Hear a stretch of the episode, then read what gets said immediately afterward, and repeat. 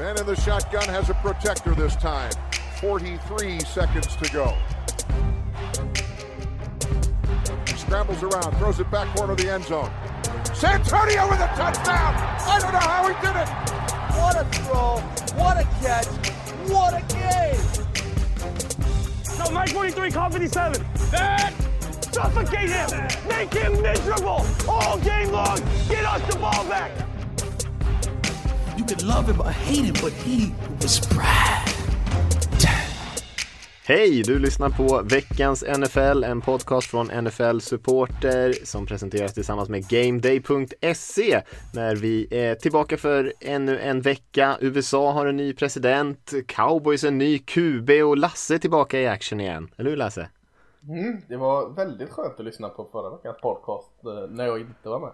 Jag, jag bru- brukar inte lyssna på dem. Jag, jag rattade in och skulle höra vad, om ni snackade skit om mig. Eh, men det var oerhört behagligt att lyssna på. Slippa höra mig själv så att eh, ja, jag kan. Eh, jag vet inte om det är så mycket nytta att jag är med här men ni, ni får stå ut med mig.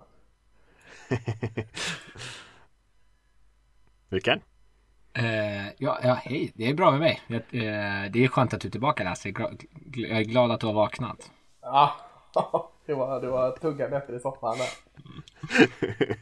ja, det var det. Jag sa lite skämtsamt där att Cowboys har en ny QB, men eh, det var lite, eh, lite, lite nytt och fräscht eh, Cowboys som klev ut den här veckan, va? Ja, jämför du med matcherna tidigare så var det ju det. Jämför du med hur det var med Dak Prescott så var det väl inte det. Men, men ja, det är klart att Gilbert gjorde det relativt bra tycker jag. Eh, men huruvida fräscht det var, det, det, det, mm, det tror jag tycker du är snäll. kanske, kanske.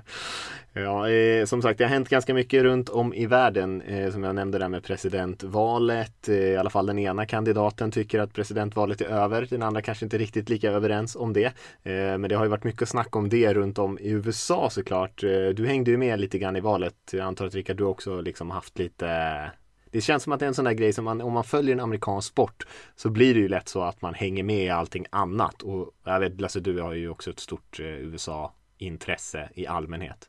Mm, det var, alltså jag sa det till min, till min fru här att eh, det är ett ganska dåligt eh, system liksom man väljer. Inte popular vote är det inte som gäller, alltså den som får flest röster blir per automatik inte president.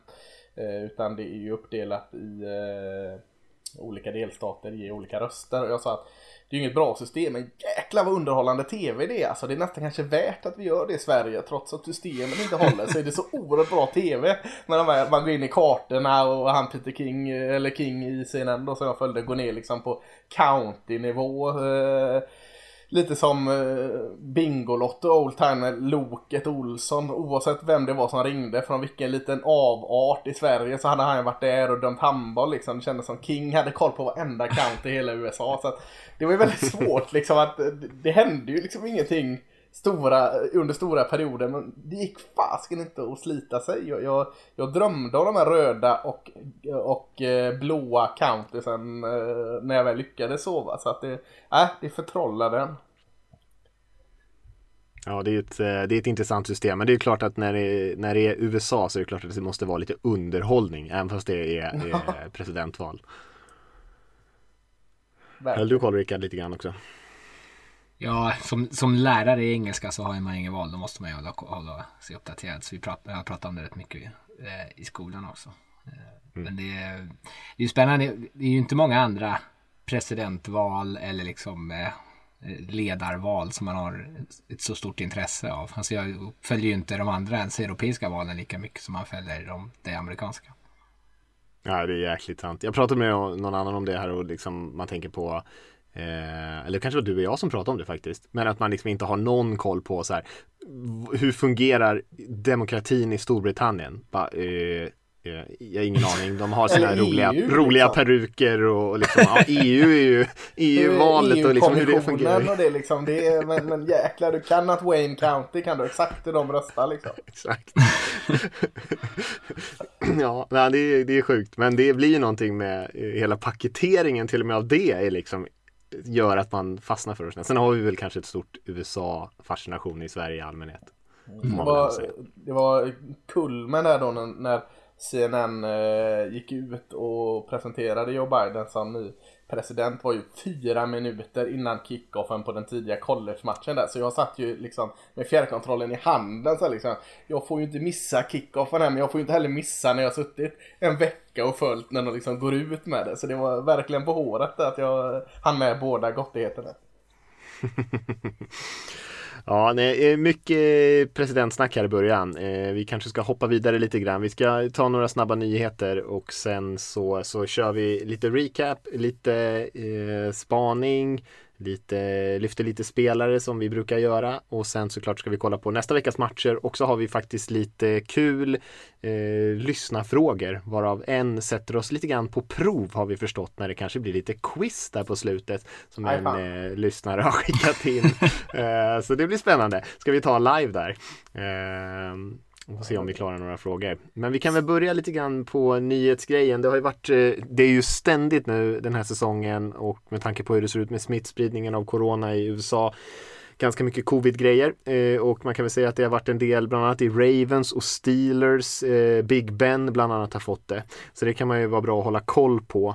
Eh, förhoppningsvis kommer väl de här spelarna tillbaka men det är ju någonting som vi pratar inte så jättemycket om det men det är ju såna här grejer varje vecka och det är alltid något lag som kanske inte har kunnat träna eller spelare som har varit borta och sånt där så att man inte glömmer bort hur mycket det faktiskt påverkar eh, matcherna tror jag den här säsongen mer än vad man tror. Big Ben måste nästan vara i riskgruppen va?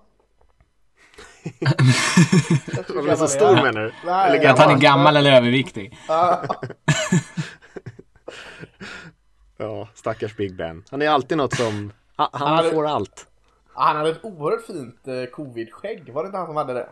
Eh, så innan säsongen jo. någon sitter inne. Det var, det var imponerande. Lägger vi på pluskontot. Han kan behöva lite plus. Han kliver ur nu efter tre dagar i isolering och det ser likadant ut. Ja, precis. Det ser ut som en hemlös. Ja, eh, man kan också nämna Tack McKinley, pass rushen som eh, Falcons draftade i första rundan, har de nu släppt. Så både de eh, rusher som man hade där, både Vic Beasley och Tack McKinley är nu borta från laget. Men det, Tack McKinley hade ju varit ganska eh, eh, högljudd med att han inte trivdes, ville bli bortbytt och kanske till och med haft lite konflikter där internt då, så till slut släppte man honom bara. Det var intressant, jag tittade på Tom Pellicero på, från NFL.com som pratade om att de ändå hade en del samtal som ringde och frågade om de, om liksom de kunde tänka sig träda bort honom som de hade bara sagt nej till. Eh, eller det hade i alla fall inte blivit någonting av det. Vilket känns väldigt konstigt nu då när de liksom släpper honom en vecka senare. Ja, hur blir det med ersättningsval i draften eh, genom trade och genom att släppa honom? Eh, kanske inte spelar någon roll eller? Jag tror inte de får någonting när de släpper honom. Nej. Nej, det får de inte. De får inte alls då eller? Nej. Nej, jag tror alltså, inte du menar om någon skulle... Sitt... Ja, precis. Om ja. någon skulle signa honom så måste han ha spelat ut sitt kontrakt. Om de väljer att släppa honom så får de ingen kompensation. Nej, just det. Så är det. Då är det ännu mer konstigt. Mm. Ja. Ja, visst är det. alltså Men han borde... dålig? Alltså, eller han, det är klart han var inte bra i år, men eh, han har glimtat till och gjort ganska många bra saker. Eller? Ja, jag tror att han kommer bli upplockad. Alltså han har ändå haft sådär 5, 6, 7 sax per säsong. Eh, kanske aldrig blommat ut. Eh, han draftades kanske lite väl högt när han väl draftades också. Men eh, eh jag tror att definitivt en stadig, om inte rotationsspelare så kanske en andra rusher i något lag. Alltså jag tror att någon, mm. han, någon kommer ju definitivt plocka upp honom. Mm. Mm, vi, inte så mycket andra nyheter där. Vi kan eh, faktiskt hoppa över tycker jag till att säga lite grann om matcherna. Det var ju en eh, reaktionspodd den här veckan från våra kollegor som pratade om 19 matcherna. Så att vi behöver väl inte säga så mycket om dem om det inte är någonting särskilt som ni känner att ni vill lyfta från den eh, raddan matcher. Uh, nej, det är det väl inte. Jag har inget direkt jag behöver lägga till känner jag. Nej, inte mer än vad de sa nej. Nej. Nej, eh, och eh, då kan tycka vi kan hoppa till de matcherna som spelades 22 och säga någonting om dem. Och där hade vi ju först hade vi ju tre matcher där som alla var faktiskt väldigt spännande. Eh, Raiders Chargers som slutade 31-26 till Las Vegas. Sen hade vi ju Dolphins Cardinals som blev en riktig rysare där Dolphins vann med Tua Tagovailoa 34-31 och sen Steelers Cowboys där eh, Cowboys pressade Steelers in i det sista och Steelers lyckades vinna med 24-19 eh, i slutändan. Vad, eh, har ni nu någon av dem som ni känner att ni vill stanna till på och säga några ord om? Jag tänker att vi såg varsin av de här till och med live, säger jag. Ja, kan man säga att eh, Las Vegas försvar vann matchen eller? Eh, ja, eh, de Jag vann. vill ju eh, vinkla det så. ja, det är väldigt snällt. De vann två spel precis i slutet av matchen som Ja. avgjorde. annars, annars gjorde försvaret inte mycket till vinsten. Ja, jag vet, men, men det var ju ändå då lite försvarsvinst. Man får ju... Ja, absolut, de, de höll, ju, höll tätt i, i slutskedet. Det ska man ändå ge dem. Även om det är, är fortfarande, ser fortfarande bedrövligt ut. Det handlar snarare om Chargers förmåga att eh, förlora matcher i slutsekunderna. Var det inte jättekonstigt att Chargers förlorade matchen? Är det, eller är det alltid konstigt att Chargers förlorar matcher? Jag såg den bara som här kondem, eller så att den var ihopklippt matchen och eh, fick inte ihop det liksom när, jag, när tiden rann ut och matchen var slut att eh, Raiders vann. Eh, du- tänker liksom själva matchbilden Ja. rent generellt. Alltså jag tyckte ändå att det var rätt jämnt. Men de, ha- hade de vunnit den så hade, de ju, hade det ju varit välförtjänt liksom. Nu, och jag, jag tyckte inte att kanske något av lagen eh, såg mycket bättre ut än det andra. Eh, sen kanske jag är färgad då visserligen av att jag sitter till och med mina Raiders-kläder på mig. Men alltså inget av lagen kunde egentligen stänga den här matchen. Eller alltså jag tycker att Raiders försvar eh, inte kan stoppa Chargers på den sista serien. Att, de, att Raiders eg, egna anfall inte kan eh, generera mer poäng i slutet av matchen. Det gör ju också att de hamnar i en situation där de tillåter Chargers komma tillbaka. Eh, och Chargers anfall att de inte kan Eh, att de inte kan avsluta den här matchen när de ändå hade, att det blir så, ja det kommer ju du till sen Mattias då, eh, om, om jag har förstått rätt. Men att de med så mycket tid kvar när de väl har bollen sätter sig själva i den här situationen att det ska ta slut liksom på ett spel med sekunder kvar. Ja. Ja, det ska. Ja, visst, Derek Carr gjorde väl en väldigt bra match ändå. Ja det tycker jag. Han är ju, de var ju under press väldigt mycket. Eh, Chargers fick eh, ganska mycket, eh, skakade om honom men han, han eh, spelade bra. Och Justin Herbert gjorde ytterligare en bra match va? Ja, abs- ja väldigt. Ja. Eh. Eh, Cowboys var, var ju relativt nära att i alla fall eh, ställa till det för Steelers redan deras första förlust eh, efter förutsättningarna. Eh, så eh, han Gilbert, quarterbacken som kom in där, eh, fick göra sin första touchdown i NFL och göra Cowboys första touchdown på uh, två matcher. Så att de har, de har en touchdown lyckades de med hela matchen och det är en touchdown på tre matcher har de nu. Det här eh, uh, för, eh, offensiven som var så het innan.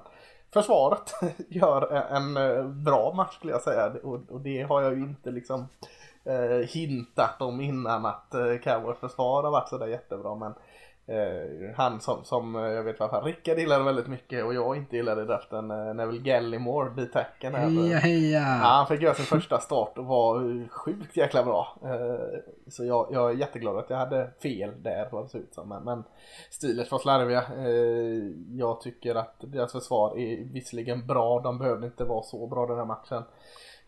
Men så jäkla bra var de inte den här matchen. Offensiven Kanske, nu är de 8-0 Steelers så man kan inte ska säga att man ska börja bli orolig för saker men lite ändå. Alltså Steelers offensiv mm, Ben Roethlisberger gör det väl gott nog.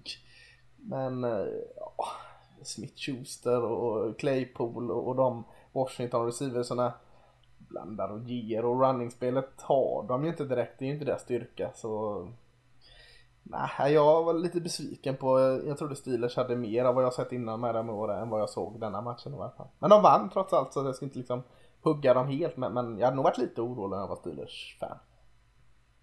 Mm. De har ju alltid under Mike Tomlin har ju de fått lite skit för att de har torskat matcher som de kanske borde vinna eh, under säsongen och därför missat bye weeks och sånt där i slutspelet som har satt dem i sämre positioner som gjort att de kanske aldrig riktigt har eller i alla fall väldigt länge sedan de gick så långt som, som eh, många tycker att de kanske borde gjort. Så att eh, de får väl tacka sin lyckliga stjärna att de lyckades vinna den där och bara gå vidare och spela lite bättre framöver. Jag såg Dolphins Cardinals matchen här och det var en väldigt underhållande match. Väldigt rolig match tycker jag mellan mm Eh, Dolphins som vann sin fjärde raka när de slog ett Cardinals-lag som jag tycker spelade ganska bra här. I alla fall offensivt. Kylie Murray var väldigt bra. Eh, men Tua Tungvaloa på andra sidan som gjorde sin andra start här spelade också väldigt bra tycker jag den här matchen. Det är klart att han är inte, han var ju inte lika bar ju inte lika mycket av laget på sina axlar riktigt som Murray gjorde kanske. Men det han gjorde, gjorde han ju riktigt bra. Han flydde pressen några gånger, plockade upp viktiga first down, kastade några fina touchdown-passningar. Ehm, så väldigt kul att se det här Dolphins-laget som är lite kaxigt. Eh, du var ju på det lite grann tycker jag inför den här säsongen Lasse och varnade lite för att de kunde vara bättre redan. Det var många nog som tyckte att de hade någonting bra på gång. Men att de kunde utmana och spela rätt bra redan i år. Eh, tyckte jag du var ganska tidig på. Eh, och jag var nog lite mer skeptisk att det tar lite, lite längre tid för det här laget. Men eh, fjärde raka vinsten och de är ju faktiskt 5-3 nu Dolphins med en ung QB som ser väldigt lovande ut. Ja, jag tyckte det var väldigt imponerande med Tua Tagovailoa här. Alltså, han var bra, nästan jättebra eh, den här matchen. Eh, men steget han tog från sin första match till sin andra match, det var ju ett gigantiskt steg. För första matchen var han inte bra. Eh, det syntes ganska tydligt att det var en QB som fick in och spela sin första match i NFL någonsin. Alltså det klivet han tog till att spela så pass bra som han gjorde andra matchen. Man hoppas ju att det visar en trend att det håller i sig. För att jag är jäkligt imponerad att han tog det klivet så snabbt. Man kände, man kände igen honom mer från mm, college. Den här kuben som så här är lugn i fickan och bara står och, som en maestro och, och skickar ut bollar liksom. Eh, och det, det var lite mer så nu att man, han var inte så stressad. Han kunde lösa när han blev pressad i fickan och framförallt så är han ju väldigt duktig på att hitta och utnyttja matchups. Mm, att det bara tog en match för honom liksom och, och mm. hitta till det här igen, det, det är imponerande. Ja, och så är han ju väldigt en väldigt bra passare helt enkelt. Så mm. det har vi pratat ja, om. En otroligt placeringssäker med sina bollar. Så att även fast det ser lätt ut och många kasten är lätta så sitter fortfarande bollarna på rätt plats hela tiden. Och det gör mm. ju att man kan springa lite efter mottagningen. Det blir inte så mycket farliga spel när man, eh, när man ändå lägger bollen där den, där den ska vara. Eh, och det är ju lättare sagt än gjort många gånger. Och en Ska vi... ambassadör för oss vänsterhänta också. Det är, vi är stolta. Nästan så, borde inte vänsterhänta ha en egen liga egentligen? Alltså. Ja, jag tycker det. Då har, då har jag chansen att spela proffsfotboll igen. Igen. igen vad bra. Snyggt Uh, ja, uh, Sunday Night Football var inte riktigt lika spännande. Uh, man ska säga, det finns ju i och för sig intressanta saker att säga om det, men Saints spöade ju Buccaneers med 38-3. Eh, jag såg den matchen dagen efter, såg den inte live, men min takeaway från den var väl egentligen att Eh, ja, men allting gick rätt för Saints tidigt i matchen, allting gick fel för Buccaneers. Saints var mycket starkare både på den offensiva och defensiva linjen mot Buccaneers motsvarighet på andra sidan. Man var fullkomligt dominant defensiva linjen med Hendrickson och Cameron Jordan och Davenport som alla spelar riktigt, riktigt bra den här säsongen. Eh, gjorde att, man, att Buccaneers hamnade i ett djupt hål eh, som sen ledde till massa misstag och turnovers och desperation och allt möjligt som gjorde att det kanske Kanske blev ännu, ännu värre. Eh, kanske inte sådär jätteorolig för Tampa Bay framöver men man kanske inte ska vara såklart krita in dem där uppe i toppen som ett av de absolut bästa lagen. Eh, när de har den här typen av floppmatcher i sig. Man såg väl inte komma framförallt alltså att eh, Tampa Bay skulle förlora med 38-3 eftersom liksom, de har successivt liksom blivit bättre och bättre och Tom Brady har blivit eh, liksom tillbaka till toppen känns det som. Så det tyckte jag var konstigt liksom, att de förlorar så jäkla enkelt mot uh, Saints som har haft sina problem den här säsongen trots allt. Jag såg det verkligen inte komma i alla fall. Nej, Bucks var ju favorittippade i den här matchen. Mm. Mm. Du, du, du, var inne på hur de startade annorlunda och Bucks började sina fem första serier så de fyra första var three and out direkt och sen på deras femte så får de äntligen en första och kastar Brady en interception direkt efter. Och liksom på andra sidan då eh, gör Saints, de börjar med en touchdown, sen har de en fumble, eh, vilket är dumt, men typ på andra yardslinjen någonting. Och sen är det en touchdown, touchdown, touchdown. Så liksom ganska fort står det 28-0 och då är liksom, det här det såg ju liksom ut som det sämsta laget i NFL. Alltså det var ju som att titta på en, en Jets eh, reserver mot liksom det absolut bästa laget någonsin. Det är gött att du drar fram Jets reserver i liksom ett värre skällsord liksom än den klassiska. Eh, det var som att se proffs mot ett high school fotlag. Då är Jets reserver fortfarande ett steg värre liksom. Det såg ut som att det var proffs mot Jets starters. ja.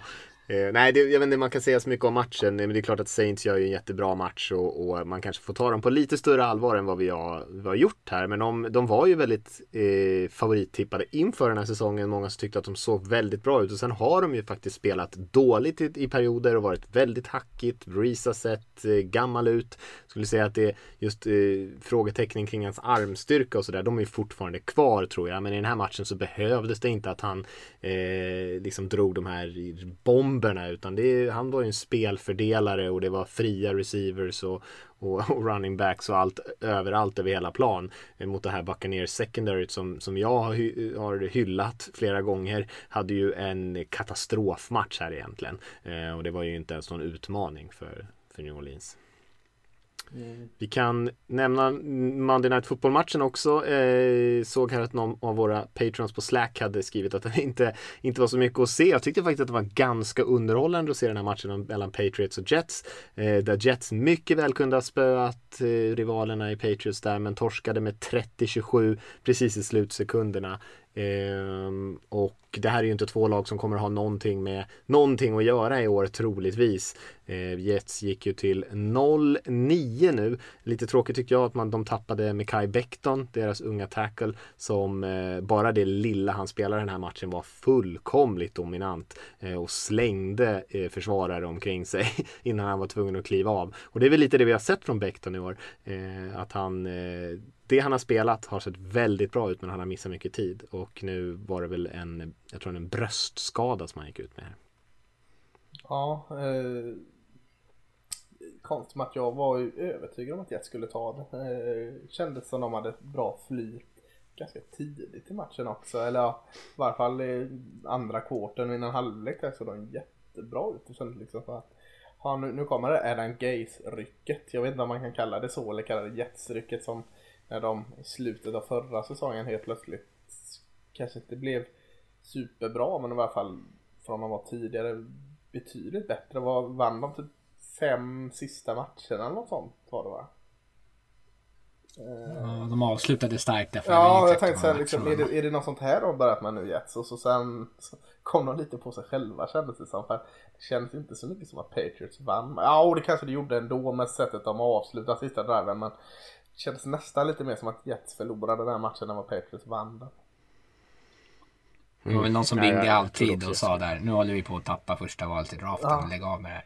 Ja, precis. Jag hörde att, eh, att, eh, för att det var ju inte Gaze som kallade spel i den här matchen utan han tog över playcallingen in, inför sista driven, eh, hörde jag. Eh, och det skulle vara väldigt komiskt om det var så, med tanke på att då, eh, då spelar de ju bort matchen direkt. Ja, ja. Ja, nej, det var det, ingen av de här lagen är särskilt imponerande skulle jag eh, säga. Eh, Cam Newton sprang in en massa eh, touchdowns och spelade ju bra. Joe Flacco spelade ju faktiskt ganska bra för Jets också, eh, quarterbacken där. Och eh, det var ju en hel del fina spel i den här matchen. Eh, framförallt kanske från Jets sida, långa passningar och sådär. Men, eh, men det är ju inte två jättebra lag. Adam Gaze eh, blev historisk faktiskt, satte ett rekord i Jets den här matchen. Han är första eh, coachen som har eh, inlett säsongen med 0-9 för New York Jets. Så, mm -hmm. Ytterligare en, en, Grattis! en, en fjäder i hatten. Vissen fjäder i sin, sin hatt eller sin sletna jetskepa. ja, jag eh, skrev det eh, någonstans men att det var det här är ju faktiskt ganska intressant jobb när Adam Gaze väl får sparken. Jag tänker mig för att man har träffat ganska bra på både Beckton och sen så jag tycker jag Mims ser mm. lovande ut och flera andra unga spelare, Quinnen Williams som ser bra ut. Man har fyra val i första rundan de kommande två drafterna. Eh, ja, Och dessutom slutar man med första valet i draften får välja vilken quarterback man vill från nästa års collegegrupp. Ja, då börjar det helt plötsligt kännas som ett väldigt intressant eh, jobb för nästa tränare. Ja. Mm. Mm. Ska vi lämna vecka 9 och köra lite spaningar? Mm. Vad har du för spaning Mattias? Alltså jag har inte jättekul spaning, eh, men det handlar om en grej som jag tror att vi har pratat om det och Rickard hintade lite grann om det. Och eh, hur, eh, dels om hur del de här dåliga lagen som inte är, eh, som inte lyckas vinna, vi pratar om dem ibland med Chargers och Falcons som tappar stora överledningar, eh, de lyckas inte avsluta matcher. Eh, hur de lyckas göra det gång efter gång och sen även delvis också om kommentatorerna som jag reagerade på här nu att kommentatorerna har ofta inte koll riktigt på vad som händer och det finns bara ett, liksom ett fåtal som jag tycker som är riktigt skarpa som vi, vi har pratat om Romo flera gånger men han vet ju liksom exakt hur många sekunder tar det från att en, en pass completion till ner och spika bollen hur många sekunder behöver man för att genomföra ett field goal och sånt har han koll på innan matcherna. Men jag tycker att de flesta kommentatorer har ingen aning och när det är de här sista minuterna och sekunderna tickar och det är mycket att tänka på precis som för tränarna på sidlinjen då tycker jag att de här kommentatorerna ofta de tappar också bort sig helt i, i alla detaljer och hjälper inte riktigt tittaren att, eh, att liksom hänga med. Och jag tänkte på den här Chargers-matchen bland annat. De har ju tappat många tajta matcher. Och Anthony Lynn, när man ser honom på sidlinjen, han ser ju han har ju ingen, liksom, inget lugn i sig överhuvudtaget. Det känns som inte som att han har koll på några detaljer med tid och såna här grejer. Och jag tror att det, det hänger ihop med att de inte vinner de här matcherna. Jag tänk, den här senaste här till exempel så var de ju extremt långsamma på sin sista serie där. Och då är inte, inte bara de här korta passningarna som de spelade, men att de låter klockan ticka, eh, använder inte sina timeouts på ett bra sätt och även att de får till det där långa spelet ner i red zone och liksom eh, har en möjlighet sen efter det att kunna avgöra matchen och vinna den då, då, tar det jättelång tid innan de liksom spikar bollen, låter sekunderna ticka iväg. Så att när man väl eh, ska spela sen så har man bara sex sekunder kvar. Eh, och egentligen, jag tyckte domarna var väldigt snälla att de gav Chargers en till chans. För att när man kastar en sån där fade ner i hörnet, visst fan tar det sex sekunder, men de stannar klockan på en sekund kvar så de fick spela ett spel till. Det tyckte jag var ganska generöst gjort. Och dessutom eh, att man eh, kastar de här eh, fade-spelen som är ganska kända som lite så här lågprocent spel. Eh, ganska svåra att lyckas med. Det finns ju betydligt mer kreativa bättre playcalls närheten av målområdet. Särskilt där på andra spelet när man har en sekund och inte måste kasta bollen liksom direkt out of bounds. Så att eh, där tycker jag så här, det är inte en slump att de förlorar. De kunde ha haft tre försök nere i, i red zone. Men istället för att de är så långsamma så har de bara två. Och då är det såklart, då försvinner ju en gigantisk eh, liksom, chans att vinna matchen om man slösar tid på det sättet. Så det är en sån där grej som jag tänkte, jag är förvånad över att de inte har bättre koll på. Både kommentatorer och coacher. Ja, känns inte som den svåraste grejen heller att vara förberedd på. Jag tänker att det är sådana här saker som man borde lägga en hel del tid på, på träningar och sådant. Så att, eh, alltså när man kommer till coacher och liksom att inte kunna hantera klockan bättre. Det, det kan inte vara det svåraste liksom att förbereda sig för olika scenarier.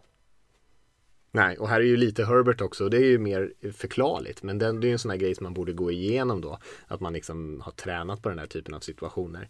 Um, så det är ingen slump att de här lagen förlorar de här matcherna. Det är ju ofta för att de gör en hel del slarviga saker i slutet. Mm. Ja, Sen var de ju nära att vinna den ändå. Men eh, det är ju liksom, ja det är klart det kan man ju göra ändå. Men man kommer ju vinna färre sådana matcher. Eh, om man inte ger sig själv bästa chansen. Nej, nej det är sant.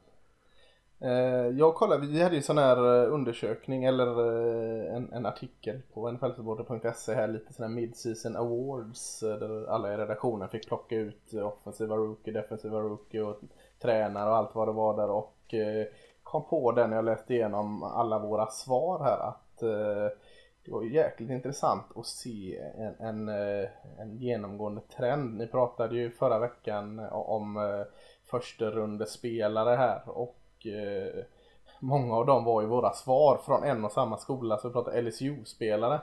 Eh, på Offensive Rookie så svarade väldigt många eh, Joe Burrow, eller i alla fall nämnde honom. Och någon nämnde även Justin Jefferson, är wide receiver i Minnesota Vikings. Eh, ingen av oss nämnde Clyde Edwards Hilaire men han kunde ju varit en till som har nämnts där. Alla tre från, från eh, LSU. Eh, på defensiva sidan så var det någon som har lite sympati för Ravens möjligtvis, som nämnde linebacken Patrick Queen. som har varit jättebra så det behöver inte vara för att man har sympati där. Så det var oerhört intressant att se liksom vad, hur jäkla mycket en och samma skola pumpade ut och hur bra de lyckas direkt. Eh, LSU-spelarna här. Eh, eh, så, så, det är min spaning liksom att fyra eh, LSU-spelare här är med i diskussionerna om olika rookiepriser eh, från samma draft. Det, det, kan inte vara särskilt vanligt tänker jag. Nej, och hade vi haft någon så här rookie coach of the year eller ja. assistant coach of the year mm. så hade mm. nog mycket väl Joe Brady, Joe Brady Panthers ja. kunnat vara, vara en av dem som har gjort ett jättebra jobb såklart med Carolinas anfall. Precis, att eh, LSUs bidrag 2020 till NFL eh, eh, går väl mot normen och allt eländigt med covid och detta. Eh, LSU har eh, gjort sitt för att bättra på NFL i varje fall. Mm. Absolut. Eh, ja, min spaning är väl lite, vi pratade om nu när vi pratade om matcherna och så de nämnde också i reaktionspodden att det är en del av de här stora lagen som eh, kanske är dags att trycka på panikknappen. Nu sa du Mattias att man kanske inte ska oroa sig jättemycket för Bucks här, deras eh, anka. Eh, men Bucks som liksom blir totalt överkörda av Saints. Liksom, bara för någon vecka sedan så pratade man om att Bucks kanske är bäst i NFC och så ser det ut så här. Eh, Steelers 8-0, har pratat om att de kanske är det bästa laget i NFL, håller på att förlora mot Cowboys liksom fjärde reserver. Eh, och Cardinals tycker jag, som jag i och för sig har hyllat att de förlorar matchen mot Dolphins, nu spelar de visserligen bra. Eh, och sen ditt Seahawks Mattias som, som eh, också har snackats om, även fast man har liksom där kanske lyft en del av besvären i laget. Men så som det där försvaret spelade i, och har spelat alltid, det var bara kändes som att det var otroligt tydligt i den här matchen hur extremt dåligt det är. Ehm, så en del lag, och Chiefs som dessutom också spelade tight mot Panthers, som kanske spelade bra, men ändå att det ska se så jämnt ut när man eh, är, liksom har mål mot Super Bowl och förlorar mot ett lag som bara vunnit tre matcher. Det är lite oroväckande tycker jag för de här topplagen. Mm, verkligen. Det är ju inget sådär man är liksom beredd att gå all in på eh, känner jag av, av alla lag. Nej. Ja, det är få som har spelat bra hela tiden. Jag skulle säga att eh, något som, som, de som inte har liksom gjort någon riktig floppmatch är väl kanske Kansas City. Det är inte så kul och eh, det är de liksom regerande mästarna. Så det känns ju ganska givet. Men de är ju lite, det pratas inte så jättemycket om dem jämfört med hur bra de är kanske. Eh, men annars har ju svårt, alla lag. Svårt att säga att Steelers har gjort en floppmatch liksom när man har åtta Nej det har de inte gjort. Men eh, Nej. spelat mindre bra. Ja, det finns ju saker som man kan diskutera men det är ju klart att de är ett bra lag. Men det är, det är ju ont om riktigt självklara lag. Det är klart att man, det är väldigt ovanligt att lagen är obesegrade så här långt. Men oftast när man har torskat kanske man torskar mot andra bra lag och det har sett ganska bra ut ändå. Inte de här ankorna mm. som, som du pratar om Rickard. För det är ja, ju eh, ganska ovanligt att man Det är inte vanligt att man blir utklassad om man är ett bra lag. Alltså riktigt bra lag blir nästan aldrig utklassade. Eh, så jag, det är klart att man kan vara lite orolig kring de här grejerna och de här lagen. Eh, men jag tror att det finns skäl till att matcherna blir på det här sättet. Alltså det är många saker som går emot och, och liksom det blir en snöbollseffekt av det. Mm. Eh, ska vi lyfta varsin spelare också kanske? Är det någon som känner sig sugen? Ja, men Rickard kände sig sugen hörde jag. Det är ju för att jag ska, tänkte jag skulle prata med en, en Raiders-spelare. Ja. Eh, då, är jag, då är jag alltid pratsugen. Ja. Eh, nej men jag tänkte jag skulle lyfta Nelson Aguilar eh, som är receiver i, i Las Vegas. Och de, de nämnde honom lite under, under sändningen i matchen. Eh, att han eh, kanske har kommit lite mer till sin rätt i Raiders än vad han eh, var i, i Eagles. Eh, de, de draftade honom 2015. Eh, och där fick han spela en del slott kanske. Eh, han var en del på utsidan men mer i, i slott, alltså på insidan än vad han har gjort i Raiders. och han är ju, skulle man liksom summera hans tid i Eagles så, så pratar man kanske framförallt om att han har blivit liksom en internet-meme när det är ju någon kille i något nyhetsinslag. Ja, något nyhetsinslag som står och pratar om att de har räddat barn ur ett brinnande hus som de har, de har liksom kastat ner dem från fönster och de har tagit emot dem och då liksom Det är väl ett till. spädbarn va? Det är väl någon Ja, som kastar ett spädbarn. spädbarn från ett brinnande hus och då han fångar den. Ja, och vi fångar dem till skillnad från Aguilar säger han och så tittar han menande in i kameran. Alltså, och det är liksom eh, och det, det, det, Det kan vara det liksom, bästa NFL-relaterade klippet i, i historien. Eh, Då har man han verkligen till- nått kändisskap, får man ändå säga. Ja, precis. Eh, Och då har han kommit till Raiders och bara för någon vecka sedan så har han liksom bäst eh, ranking i NFL som receiver för att han hade inga tappade passningar. Eller han har tillåtit bäst, eller liksom bidragit till bäst QB-ranking när, han har blivit eh, passad till. Eh, nu hade han någon, någon dropp i, i eh, när de mötte Browns här senast i ett kassavädret. Men han har ju verkligen fått liv på sin karriär och Raiders använder honom annorlunda. De har honom på utsidan eh, där han får liksom spela som ett djupt hot istället. Och eh, hos, hos oss då säger jag nu. Eh, men hos Raiders då han eh, han snittar liksom 13,9 yards per mottagning. Han är trea i antal targets på plus 20 yards. Eh, och i Eagles så snittade han per match 8,1. Så de använder dem helt annorlunda och det verkar passa honom betydligt bättre. Kul, jag gillade Aguilar när han kom från college. Tyckte han kändes som en väldigt spännande Mm, spelare. Så kul att han fått lite, lite ny tändning. Mm, vad har du? Eh, har du också någon eh, bra meme eller någon spelare som har eh, gjort befolkningen i Philadelphia förbannade? Inte just Philadelphia, men kanske några andra ställen. Nej, men jag har en ganska intressant spelare också, eller det var i alla fall mitt mål. Eh, och jag tänkte att man kunde nämna Corderell Patterson, eh, som eh, nu spelar i Bears. Som också kanske haft en liknande resa som Aguilar när man tänker efter lite grann. Han kom ju ut ur, eh, ut ur college efter att egentligen bara spelat en säsong av liksom big time college. Hade ju gått hela alltså, community college-vägen, spelade för Tennessee. Eh, gick ju högt draftad trots att han bara spelat en säsong. Eh, som en typ av så här receiver running back hybridspelare eh, som har alltid har varit en bra returner hela vägen ner i high school-tiden egentligen. Och eh, det känns ju som en spelare då där alla liksom varningsklockor skulle ringa.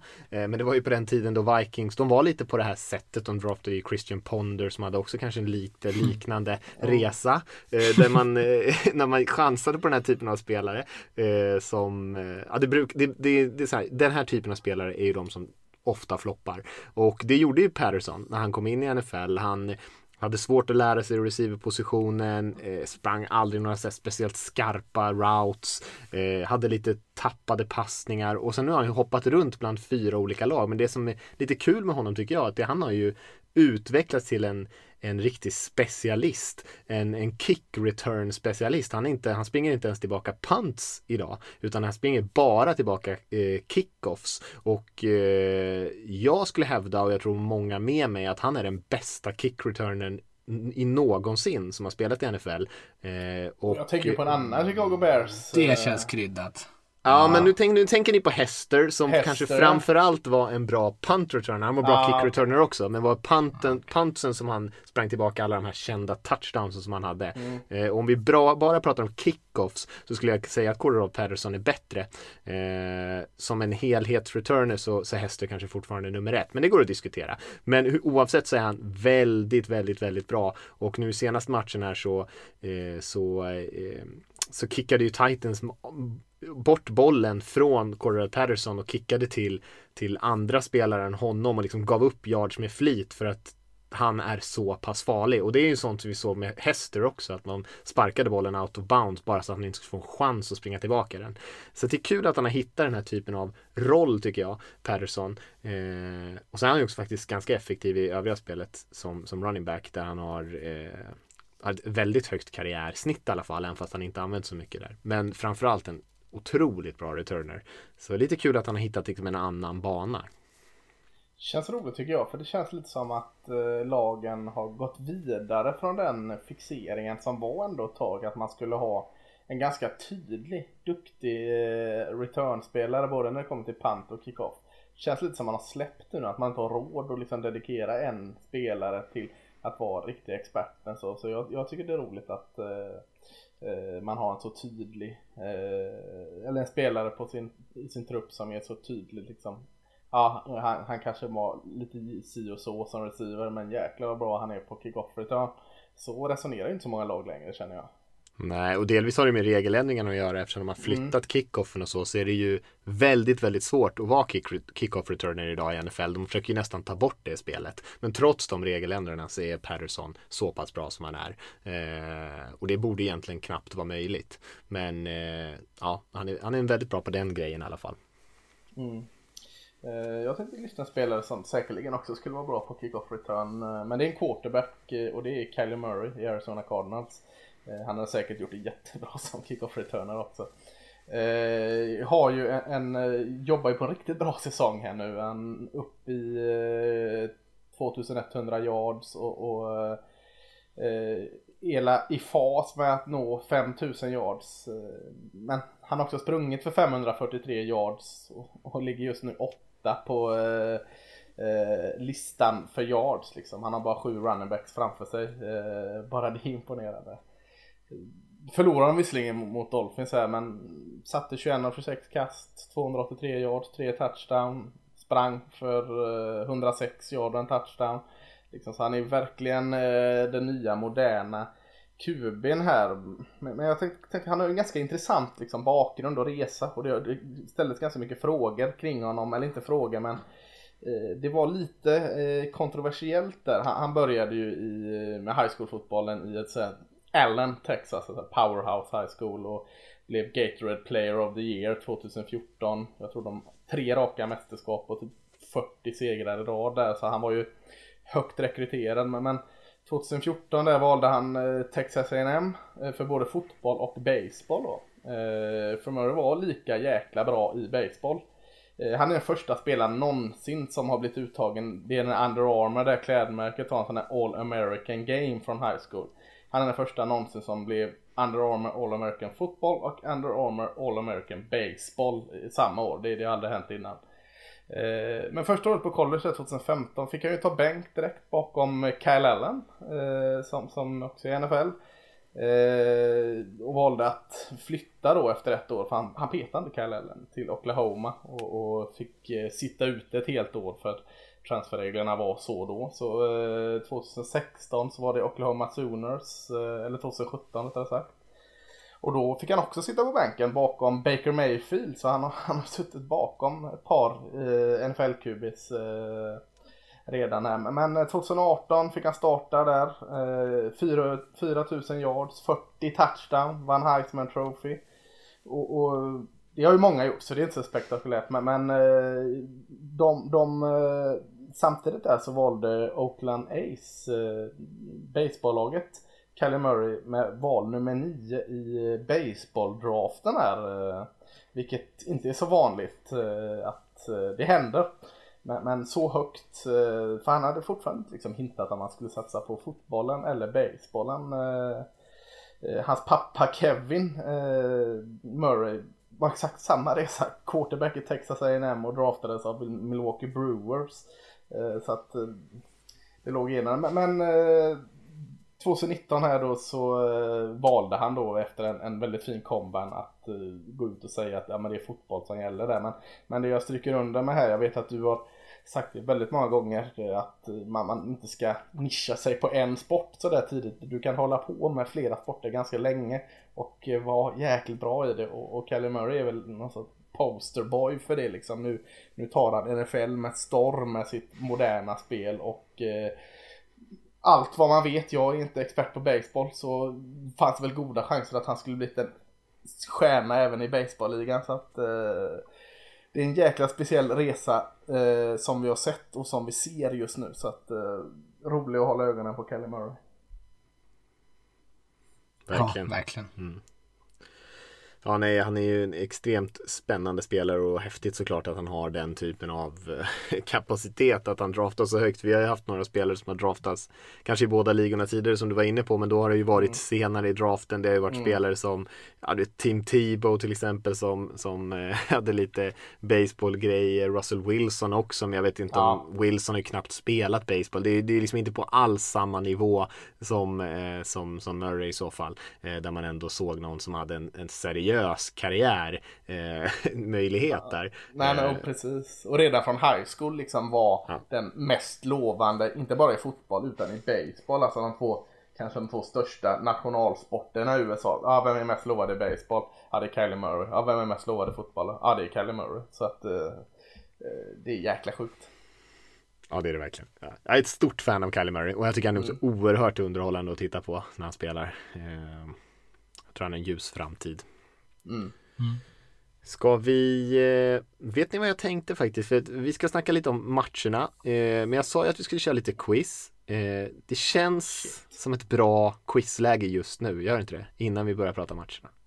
Känns Absolut. Aldrig som, känns aldrig som bra läge. Nu kommer det luft, luftslottet att... man tror man har koll. Ah. vi får ah, se. Ja, vi får se svåra frågorna. Vi kan ju läsa mejlet här från eh, Erik i alla fall. Eh, tack för fortsatt underhållande poddande. Eh, lyssna med stor behållning varje vecka sedan starten. Det var länge sedan. Och han jobbar med att tillverka och framföra quiz. Så, men han har aldrig gjort ett renodlat NFL-quiz.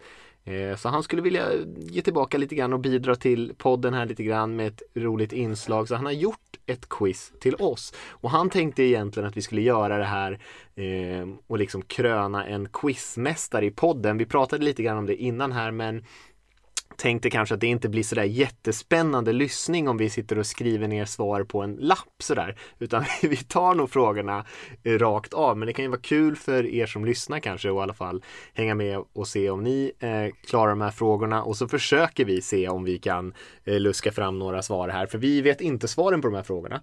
Eh, vi vet faktiskt inte ens frågorna. Jag ser de första tre här i mejlet. Sen så scrollar jag ner eh, allt eftersom. Så, så får vi se om vi, om vi klarar några av dem och om ni där ute eh, klarar dem. Sen står svaren på frågorna längst ner i hans mail som han har skickat här så vi kan ju ta dem på slutet eh, och se om vi lyckades träffa rätt på någonting.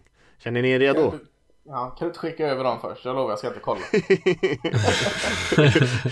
Inget snabb-googlande här nu. Jag tror inte någon av oss är så snabba, snabba på att googla. Uh, uh, första frågan här då. Vilket brödrapar är det enda som båda utsätts till Super Bowl MVP? Ja, ja, jag tror jag vet. Ska jag säga ja. det bara då? Ja, då ska du säga det. Det, det enda jag kan tänka mig är Manning-bröderna, Peyton och Eli. Ja, det känns ju rätt. Det känns väldigt rätt, för jag tänkte så här att vad blev Peyton Manning blev han eh, MVP, men det blev han väl i sin första Super Bowl-vinst ändå. Ja. Eh, så eh, jag säger, jag håller, jag håller med dig där. Ja, Jo men det måste vara Manning-brorsorna. Manning-bröderna säger vi. Mm. Eh, andra frågan här då. Vince Lombardi Trophy överlämnas varje år till vinnaren av Super Bowl. Den tar cirka fyra månader att tillverka och är gjord i rent silver. Man får lite, man får lite extra kunskap här, det gillar jag. Ja, eh, vilka två lag sitter på flest statyetter genom tiderna? Det ena måste vara Steelers va? Jag skulle ja. tro det ja. Och det andra måste väl vara Patriots va? Jag vill ja. ju säga Cowboys men jag tror de är förbisprungna. Det var länge Steelers och Cowboys vet jag men ja. Patriots kan mycket väl gått om igen för de borde ju ha, ja. fast de har nog bara de som de har vunnit med Brady i och för sig. Hur många har Cowboys? Ja men det är väl fem. Eh... Sex har de vunnit. Sex, ja Cowboys har fem. Eh, Steelers ja, precis. och Patriots Steelers har sex. Mm. Ja just det. Då har Steelers och eh, Patriots sex då i Ja det måste vara de. Mm. Men kan vara trea ändå. Kan vara med i quizet tycker jag. Fan, ni, går ner, ni, ni sjunker ju som en jävla sten ja, ja, på den här ranken. Ja, ja. Greppar efter halmstrå. Uh, tredje frågan då. Kickers och Panthers har en längre livslängd i NFL av förklarliga skäl. Men vilka två spelare som inte sparkar bollen är de enda med över 300 spelade matcher? Och här får vi faktiskt en ledtråd också. En är wide receiver och en är quarterback. Men wide receiver kan vi va? Eller det måste la vara Jerry Rice eller? Ja, det måste vara Jerry. Han spelade ju för fan tills han var lastgammal. 45 eller något sånt där. Alltså det var ju sjukt länge. Ja, ja helt eh, absurt. Men kuben då, är det någon gammal, eller jag tänker så här, Brett Favre i Packers var ju också lastgammal, eh, fast kanske han var redan när han kom in eller igen. Eller är det Tom Brady det här? Ja, är, är det Tom Brady? Eh, han, missar, han har missat en säsong. Ja, Eh, precis. Det var det jag tänkte om det är någon man liksom mer såhär Eller är det någon sån där... eh, Och han satt på bänken också. Han har missat två säsonger till och med. Br- Breeze Ja. borde vara före i så fall. Ja, nej, men jag, Så han missade vi också med sin... Ja, men jag känner Nej. Brett Favre var Ja, det tycker jag låter bra. I Jets så höll på där och i Vikings höll han på också. Mm. Förutom alla år i, i Packers. Det måste Det är säkert vara- någon sån här Johnny Unitas eller något Ja, sånt ja visst. där. Eh, Vi hoppar vidare i alla fall. Fjärde Ja. frågan. Det kanske lyssnarna hade lite bättre koll på än oss, Mm. den här quarterbacken där. På tal om många matcher i NFL. Vem innehar rekordet med otroliga 383 spelade matcher? det måste vara en kicker va? Ja, det måste det ju vara. Jag vill nästan säga att det är dansken. Uh, jag tänkte Mortensen. Adam Vinatieri. Eh, det är Andersson. Jag är ju jag är så det. fast Mm. vid så här modern historia. Eh, Adam Vinatieri, eller är det dansken kanske? Spelar inte Andersen? Han hade ju alltså- massa poäng, han hade poängrekordet. Exakt. Men Det låter ju lovande att han skulle ha. Gjorde han det? Ja. Jag Ja, det tror det. Men var det inte... Med den logiken så kan vi köra en gardering, köra båda. Att de ligger på exakt samma just nu. Exakt samma 303 matcher. Jag tror fortfarande att det är dansken. Jag tror att det är Nej, Mårten jag vill inte ge. Danmark någonting. Nej, men vi kör på dansken då. Ja. Ja, Okej, okej, okej, Bara så vi kommer vidare. Eh, vilket är det enda lag som vunnit ligan tre år i följd? Eh, och här får vi också en ledtråd före Super Bowl-eran. Aj fan. Det måste vara Packers. Jag skulle Ja. säga att det, Packers vann ju ett och två i alla fall. Jag vet inte om de vann tredje också, men det kan de nog ha gjort. Eh, Man vann inte tredje i Super Bowl-eran. Eller med, om det är det du pratar om nu. nej, jag Nej, tänker var före ett, Super två. Bowl-eran. alltså det är ju verkligen före Super Bowl-eran. Ja. Eh, De får väl inte trofén uppkallad efter snubben i laget om man inte är bäst eh, när Super Bowl-eran börjar. Nej, så är det väl. Eh, men Lombardi, de, det var väl de som vann. Det måste ju ha varit före Super Bowl-eran. Vad hette de, eh, vad hette, Sti, vad hette Eagles innan? Frankfurt Yellow Jackets eller vad hette de? Det var redan mäktigt om det var sånt. sånt så. Nej, men det, det, Den hade vi nog inte klarat i så fall. Tror jag. Nej. Nej. Eh, ska vi säga Packers? Det tycker jag. Ja. Eh, Dallas Cowboys har i många år toppat Forbes lista över världens högst värderade sportklubbar med ett värde på runt 5,5 biljoner dollar. Eh, vilket annat NFL-lag kvalar in på sjunde plats på listan och är därmed ligans näst mest värdefullaste franchise? det, kan, det kan vara en skräll. Kan det vara Rams eller? Nej, Kan inte det? LA tänker att de är och det nya skrytbygget. För det är ju inte bara framgång här. Logiskt hade det varit att säga Patriots men jag tror inte det är det. Eller är det Jag tror, att, jag tror att det tar längre tid för dem att hamna så högt upp. Alltså jag tror, Rams har ju bara varit där något år i LA och innan det var de ju liksom en mini. Jag skulle säga, jag skulle säga Pa- Patriots är ett bra förslag. Eh, jag skulle säga Giants då? Giants, Washington. ehm, Ja, Washington, det. men Patriots skulle jag nog nästan Ja, säga. jag, tror att, jag skulle tro att det är Patriots just nu. Ja. Det är väl ändå en liten där. skräll då tycker jag. Ja, kanske det. Ja men då kör vi Patriots då. Jag tror inte det är något skrä- skrällag. Det är de här som har, de har varit där länge, många av dem som har i toppen. Jag tror Rams rankas högst i alla fall. Jag, alltså, jag, ja, men Raiders vi- är ganska högt men de är inte så där högt. Men de fick ju sin arena, det är väl därför. Ja. Kostar ju bygga arenor. Eh, vilken quarterback har rekordet för mest sprungna yards i en och samma match? Jag vill säga Kaepernick i slutspelet mot Packers. Sprang inte han för 208 yards eller något sånt där? Oh.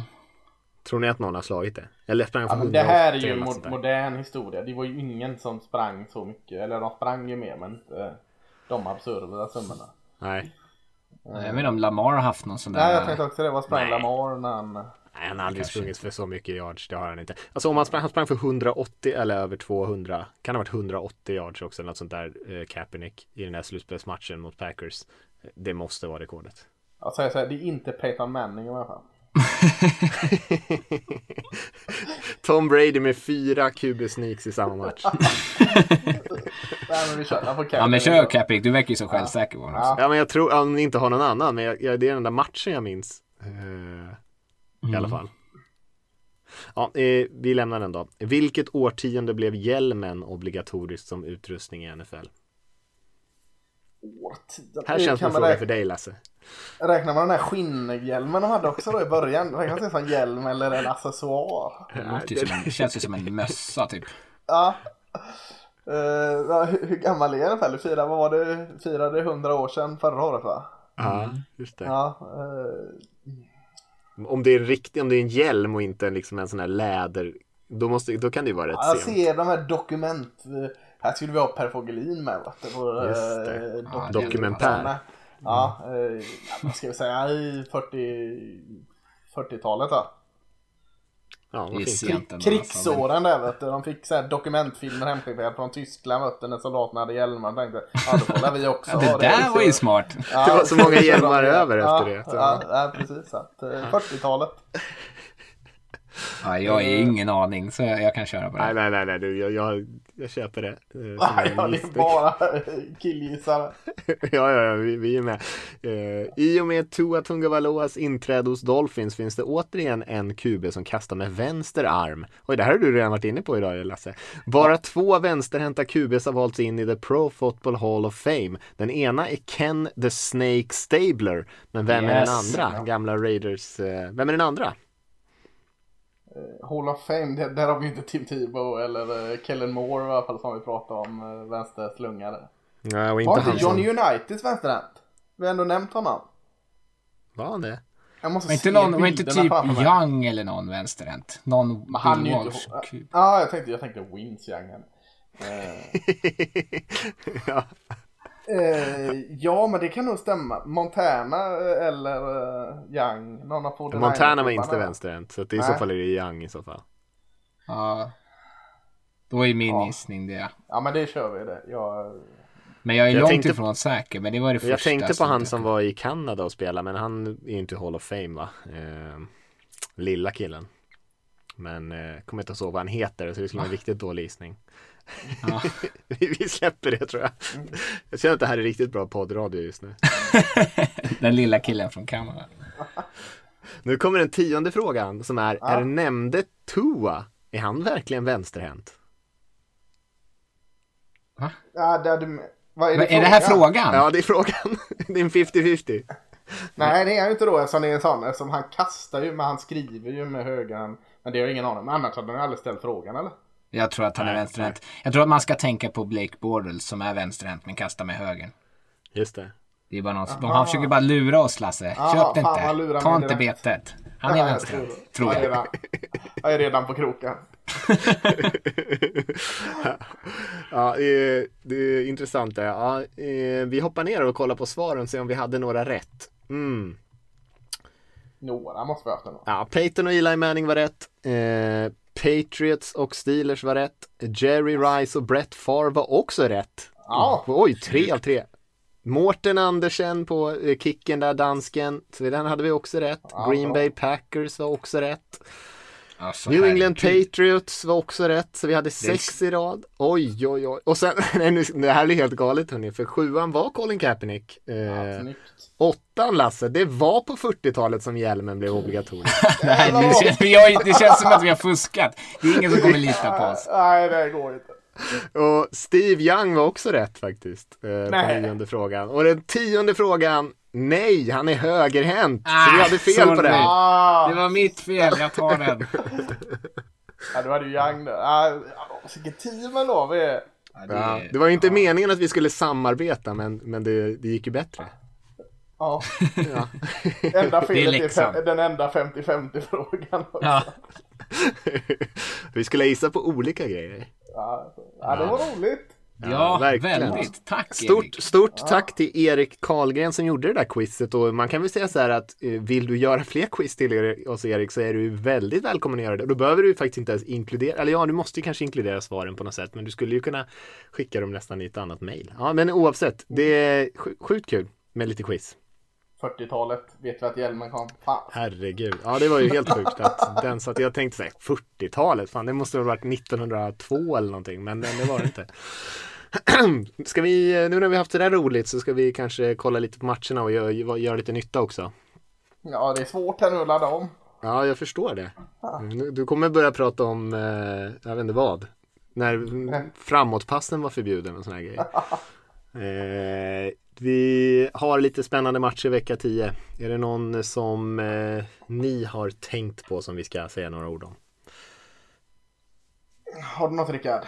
Eh, jag kan ju börja. Eh, jag, nu har vi pratat lite om både Chargers och Dolphins. Eh, den matchen tycker jag känns väldigt kul. Dels för att det är inför draftprocessen så pratar man hela tiden om Tua eller Herbert om vem som skulle gå först och vem som skulle gå eh, direkt på valet efter. Det var ganska självklart att de skulle liksom, att de satt ihop hela tiden. Eh, mm. Så det är ganska kul att se dem på plan samtidigt mot, inte mot, direkt mot varandra, men ändå. Det, man kommer kunna jämföra dem i alla fall. Och det, det, bara det känns ju underhållande. Eh, Chargers är kul att kolla på nu just på grund av Herbert, även om säsongen är, alltså, den är ju över. Men det är ju väldigt, de är väldigt kul att kolla på. De är ju näst mest yards i NFL, så anfallet är ju fyrverkerier. Eh, och Dolphins med Tua känns ju superheta. Eh, 5-3 just nu. De möter Chargers här. Det är kanske deras svåraste match de kommande fyra. Så det är ju mycket, mycket möjligt att vi om fyra veckor står och, och tittar på Dolphins med liksom ett 9-3 resultat. Och då är de ju eh, de kommer ju troligtvis komma in i slutspelet. Jag har ju svårt att säga att de inte ska ta sig dit. Så det trodde man inte från början. Så bara en sån sak känns ju väldigt underhållande att kolla på. Det här väldigt välcoachade laget. Ja, verkligen. Alltså de har så lätt spelschema framöver också.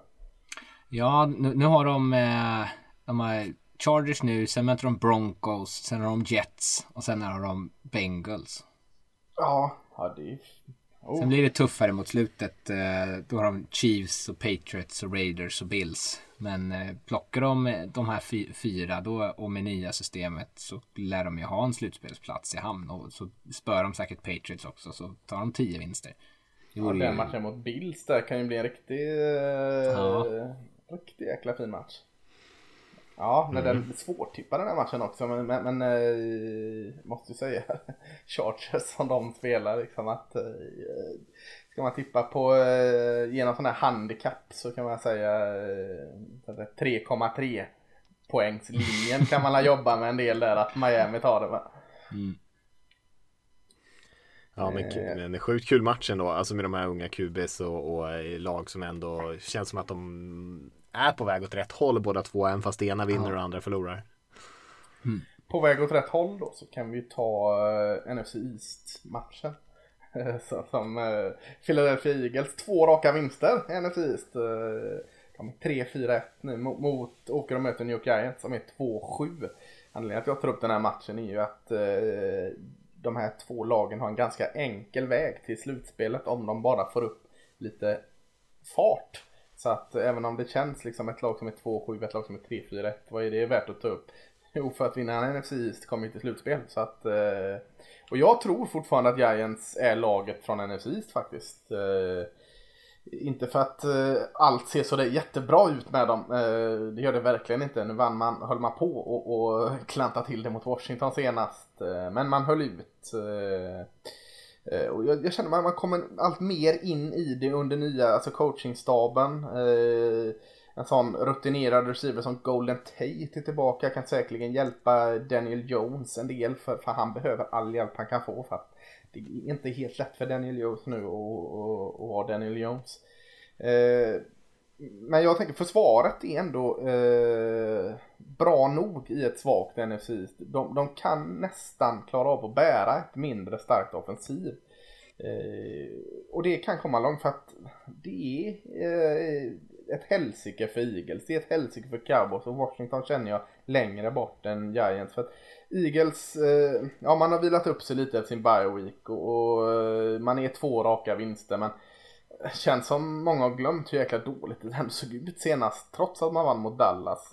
Wentz eh, slängde bort bollen fyra gånger eller var fall fyra turnovers och, och eh, Fulgham här som har varit väldigt bra receiven kommer ha det tuffare mot Giants. Giants kommer också planera sin match efter honom. Det är hur, hur är han och Eagles beredda för det?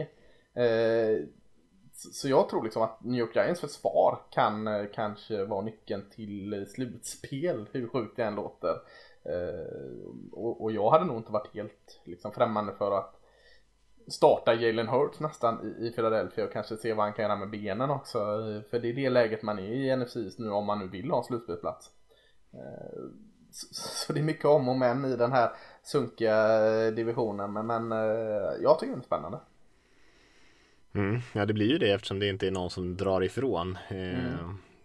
Ja det är ju två, två av de quarterbacks som har eh, haft det absolut tuffast i år. Mm. Eh, och då menar jag av alla quarterbacks i NFL så kanske de här två som har spelat nästan sämst av allihop. Och det är Carson Wentz och Danny Jones. Eh, mm. Så att det är väl Man hoppas ju att i alla fall Wentz har en högre högsta nivå. Eh, Danny Jones har ju spelat bra i, i, i matcher till och från men Eh, nu har han haft en väldigt tuff radda matcher här och eh, det ser ju inte så jättebra ut och om man inte spelar bättre än så här i resten av säsongen så är det ju inte säkert att han sitter och på chansen att få starta igen nästa säsong. För för honom personligen så betyder det ju mycket att avsluta säsongen bra här tror jag. Mm. Men är det helt otänkbart att starta Ellen Hurts eller förstör man mer i det än vad man hjälper i, i dagsläget? Jag vet inte vad det skickar för signaler att man... Nej, det är det jag tänker på också. Eh, vad, är Wentz liksom en del av problemet då? Är på något sätt man säger, eller i alla fall inte en del av lösningen. Det känns ju ganska... Jag vet inte hur, tas, hur det tas emot i omklädningsrummet eller tas emot hos Wentz för den delen heller. Ja, men togs inte men jag förstår... när man draftade honom liksom i runda två liksom? Något måste man göra med honom nu. Är det inte läge? Om man nu tar honom så högt, då har man väl i alla fall någon plan med honom. Är inte det läget nu liksom? Kanske, jag inte, det känns ju som att man är, borde vara i liksom tillräckligt desperat tillstånd att man är villig att prova vad som helst. Ja. Kan ju nästan skylla det på att eh, det är inte säkert för eh, Wentz att spela med den trasiga offensiva linjen. Jag tror man måste sälja ha någon typ av ursäkt. Ja, man måste ha ja. något sätt att sälja in det för annars ja, blir det så här. Det går liksom inte att gå tillbaka till Wentz sen och sen säga att han ska starta för dem 2021 om man bänkar Nej. honom för eh, den här rookien och som sen mm. spelar jättedåligt. Då, eh, då ser det ju väldigt underligt ut. Ja, ja. Jag vill, jag vill bara lägga till det för att jag tycker att det är lite kul för de människorna som spanar på framtiden att om man tittar på den just nu draft och liksom ordningen så är Dallas nummer, val nummer tre, Giants val nummer fyra och eh, Washington val nummer fem. eh, och Philadelphia eftersom att de leder då divisionen med en vinst mer, de, de har val nummer 19. Så det är ganska, om man liksom vill blicka om framtiden så är det ganska kostsamt för något av de här lagen. att vinna divisionen. Sin tredje ja, match. En liksom. ut i slutspelet ja. kostar en del. Ja. Nej, man vill ju absolut inte gå till slutspel. Alltså what's, what's the point? Om de inte börjar spela väldigt mycket bättre så är det ju ett, en jätte, jättekostnad att gå till slutspel som du säger Rickard. En väldigt intressant, eh, det var spaningsnivå på den skulle jag säga. Ja. Den var väldigt spännande faktiskt. Jag har inte tänkt på det. Men det är ju klart, det blir en enorm skillnad. Mm. Eh, kan, jag kan nämna Vikings-Bears-matchen tycker jag eh, som är rätt intressant. Chicago började säsongen väldigt bra, Minnesota gjorde inte det och sen har de helt bytt eh, bytt, eh, bytt eh, kläder med varandra kan man säga. Vikings har ju spelat betydligt bättre här på slutet och Chicago ser ut som en tågkrasch. Särskilt offensivt och kan inte göra någonting. Medan Minnesota med Dalvin Cook eh, som eh, ja, tillsammans kanske med Alvin Kamara är en bästa running backen i NFL just nu spelar ju fullkomlig otrolig fotboll. Han har ju missat matcher och ändå upp och sniffa på touchdown-rekordet. Öser ju in touchdowns mm. eh, och har ju haft, jag tror att han har haft 450 eller nästan upp mot 500 yards på två matcher här nu. Eh, och är ju egentligen hela nu spelar ju Cousins ganska bra senast men han, det är ju ändå genom Dalvin Cook som man vinner de här matcherna. Så att eh, två lag som är på väg åt helt fel håll som också har ganska olika styrkor. Vikings spelar ju bra med sitt anfall medan Bears försvar fortfarande spelar bra men det hjälper liksom ingenting för att man är så hopplöst dåliga anfallsmässigt. Är det kontraktsår för Delvin Cook också eller?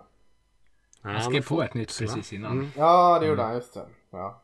Billigt. Det är ju, det är ju så tydligt, i, både i Packers-matchen, då gjorde de ju också touchdown på sina fyra första eh, serier och här gör de touchdown på sina två första och det är ju liksom bara på grund av Cook för så fort när, liksom, när de passar, då är det play action. Eh, så, ah. Och de, det, här, det är ju så här man kanske tänkte sig att de skulle se ut. Att de skulle vara ett dominant springande lag som bara spelar play action i stort sett. Eh, och inte liksom sätta Kirk i en vanlig klassisk eh, stå och mata bollar. För då funkar det ju liksom inte. Utan det gäller ju att han trampar och han är ju fenomenal.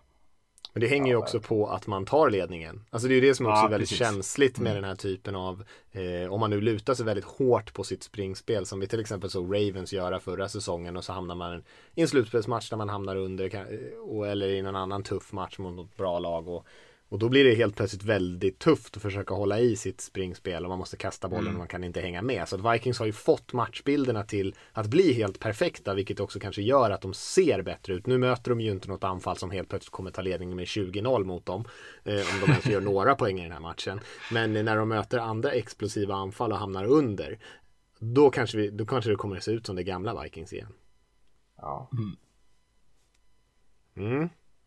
Har ni några spännande matcher? Eh, ska jag, måste jag bara kolla schemat här.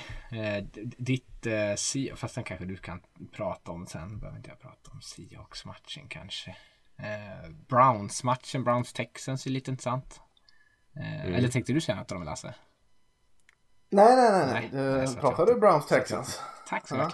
Ja. Eh, den är ju mest spännande för att se vad, liksom, vad är Browns på väg och kommer de kunna spela? Eh, alltså vara med och, och utmana om slutspelsmatcher. Det såg ju så väldigt bra ut i början av säsongen och sen har, de, har jag tyckt att de har sett lite mer känsliga ut. Eh, och jag tycker att det, jag har ju inte så stort förtroende för Baker Mayfield. Eh, och här möter de ett ganska ett Texans som inte är jättebra men som ändå i, i stunder kan spela bra. Jag tror att den här matchen kommer bli ganska jämn och jag tror att den kommer säga ganska mycket om Browns chanser att eh, kunna ta sig, eller att kunna vinna tuffa matcher. Om de tar sig till slutspel eller inte, det kanske de lyckas göra, men sen om de lyckas göra något väsen eh, där, det vet jag inte riktigt. Jag har inte varit jätteimponerad av vad de har presterat. Det gäller, där är ju också ett lag som jag tycker behöver få igång ett effektivt springspel. Eh, och jag vet inte när, om Nick Chubb är på väg tillbaka. Nej, vad är statusen på han? Jag har dålig koll på det också. Tyckte jag såg något skriverier om, jag vet inte exakt vad. Men eh, liksom där är eh, de har ju sin identitet som ett starkt springande lag. Där Baker inte heller måste ha, eh, spela första fiol. Då kan de ändå Ja. vara ganska bra. Men eh, eh, intressant just för att se vad, vad Browns är på väg någonstans tycker jag. Ja, men jag tänker en sån här, eh, du säger att du inte är så imponerad av Baker Mayfield eh, och det, det kan, kan man ju köpa såklart. Men jag tänker att det här är en sån match som Baker Mayfield kan liksom återigen nå upp till någon form av topp där man säger, ja är han bra nu ändå trots allt med tanke på alla problem med Texans försvar, Texans Ja. secondary är ju inte superfräckt och eh, pass rushen eh, är väl inte fullt så dålig men, men eh, känns ändå som Browns offensiva linje kan hantera den så att det känns ändå som en liten smygmatch där Baker Mayfield återigen kan gå upp, ja men kolla han är ju jättebra och så sen göra en plumpmatch om några veckor igen så att det är ändå Baker Mayfield vänlig match tänker jag att jag känner. Mm. Ja, kanske. Eh, Eh, jag tänkte eh, en, en till divisionsmatch tar jag. Ni slipper höra mer från NFC East utan vi kör AFC South där. Eh, Indianapolis Colts 5-3 mot eh, Tennessee Titans 6-2. Det är lite av en, en finalmatch här. Eller ja, det är ju en finalmatch eftersom Texans och Jaguars eh, är väl bortkapade här. Den är ju ganska intressant eh, också med tanke på lite hur i alla fall jag såg de här lagen innan. Där jag hade Tennessee som ett försvarsstarkt lag och, och Colts visste jag väl kanske inte vad jag hade men, men eh, hade ju inte liksom ringat in dem som det försvarsstarka laget och det har blivit lite tvärtom här nu. Alltså Tennessee styrka ser än så länge ut att ligga i offensiven och, och Colts styrka ser ut att ligga i defensiven så att eh, det blir, blir en rolig liksom matchup där. Eh, nu har man sett mer av, av den, den dåliga eller sämre Rivers än den bra Philip Rivers de sista matcherna här. Eh, Eh, man kan vara lite elak och säga att hans misstag kostade matchen sist. Eh, eller så kan man lyfta Baltimore Ravens försvar. För det är väldigt, väldigt bra. Så att eh, ska inte helt slänga Philip Rivers under bussen än här. Men, men eh, det är ju Colts försvar som liksom ska vinna de här tajta matcherna som jag hoppas det här blir. Och eh, då tycker jag det är roligt att se mot, mot testa Tannehill. Han kommer ju bli testad. Eh, han hittar ut sina receiver bra. Eh, framförallt i början av säsongen, man gick 5-0 första matchen och nu är man 1-2 de, de, de, tre senaste matcherna. Eh, hur, hur, lätt kommer Derek Henry ha att springa mot den här linebacker-gruppen som är väldigt, väldigt bra och tuff liksom, och i bra samarbete med defensiva linjen. Eh, så jag kan känna att det kanske hänger lite på Tannehill att eh, luckra upp eh, Colts försvar eh, mer än vad det är, eller sa jag Devlin Cook, jag menar Henry. Eh, så det känns lite som en, en, en roliga match i matchen här. Eh, eh, lite över hela banan här i divisionsmatchen. Så jag tror det kan bli en jämn match.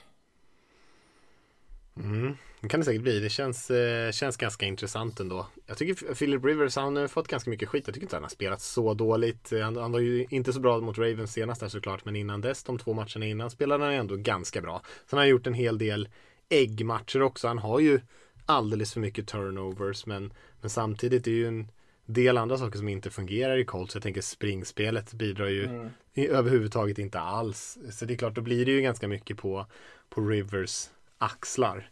Ehm, och ibland går det bra, ibland går det dåligt.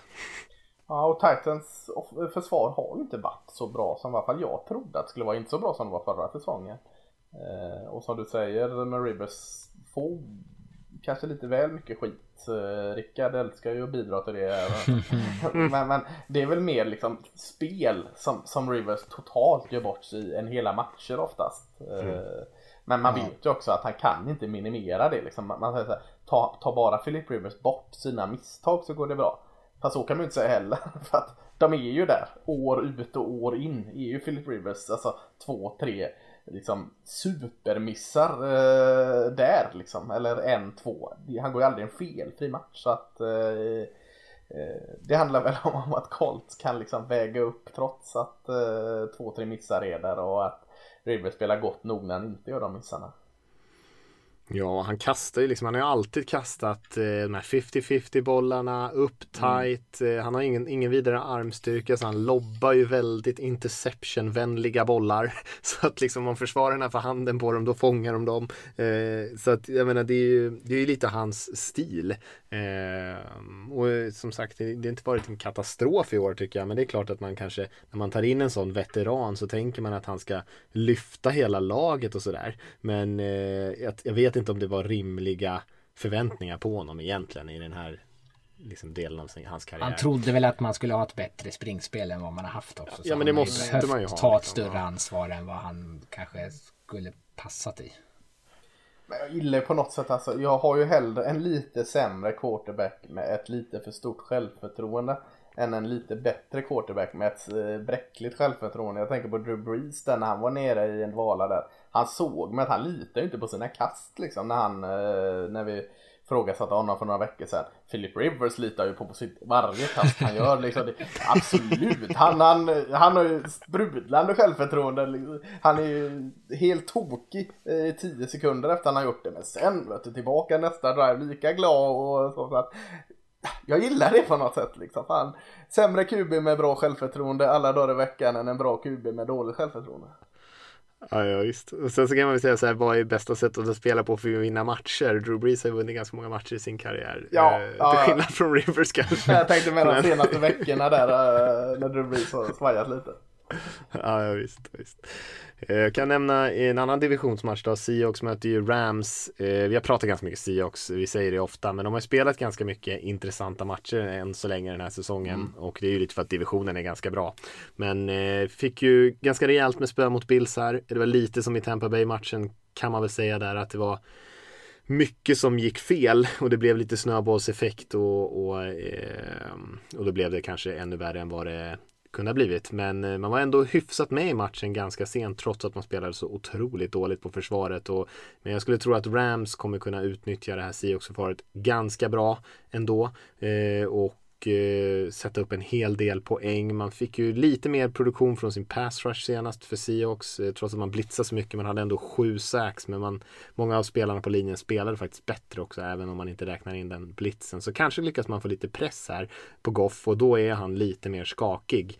Eh, sen får vi se om, om Rams försvaret som Eh, har spelat bra i perioder. Aaron Donald är ju fortfarande en makalös spelare om hur mycket de kan störa Seattles anfall och kanske tvinga, tvinga fram en del misstag från Russell Wilson som vi har sett de senaste veckorna.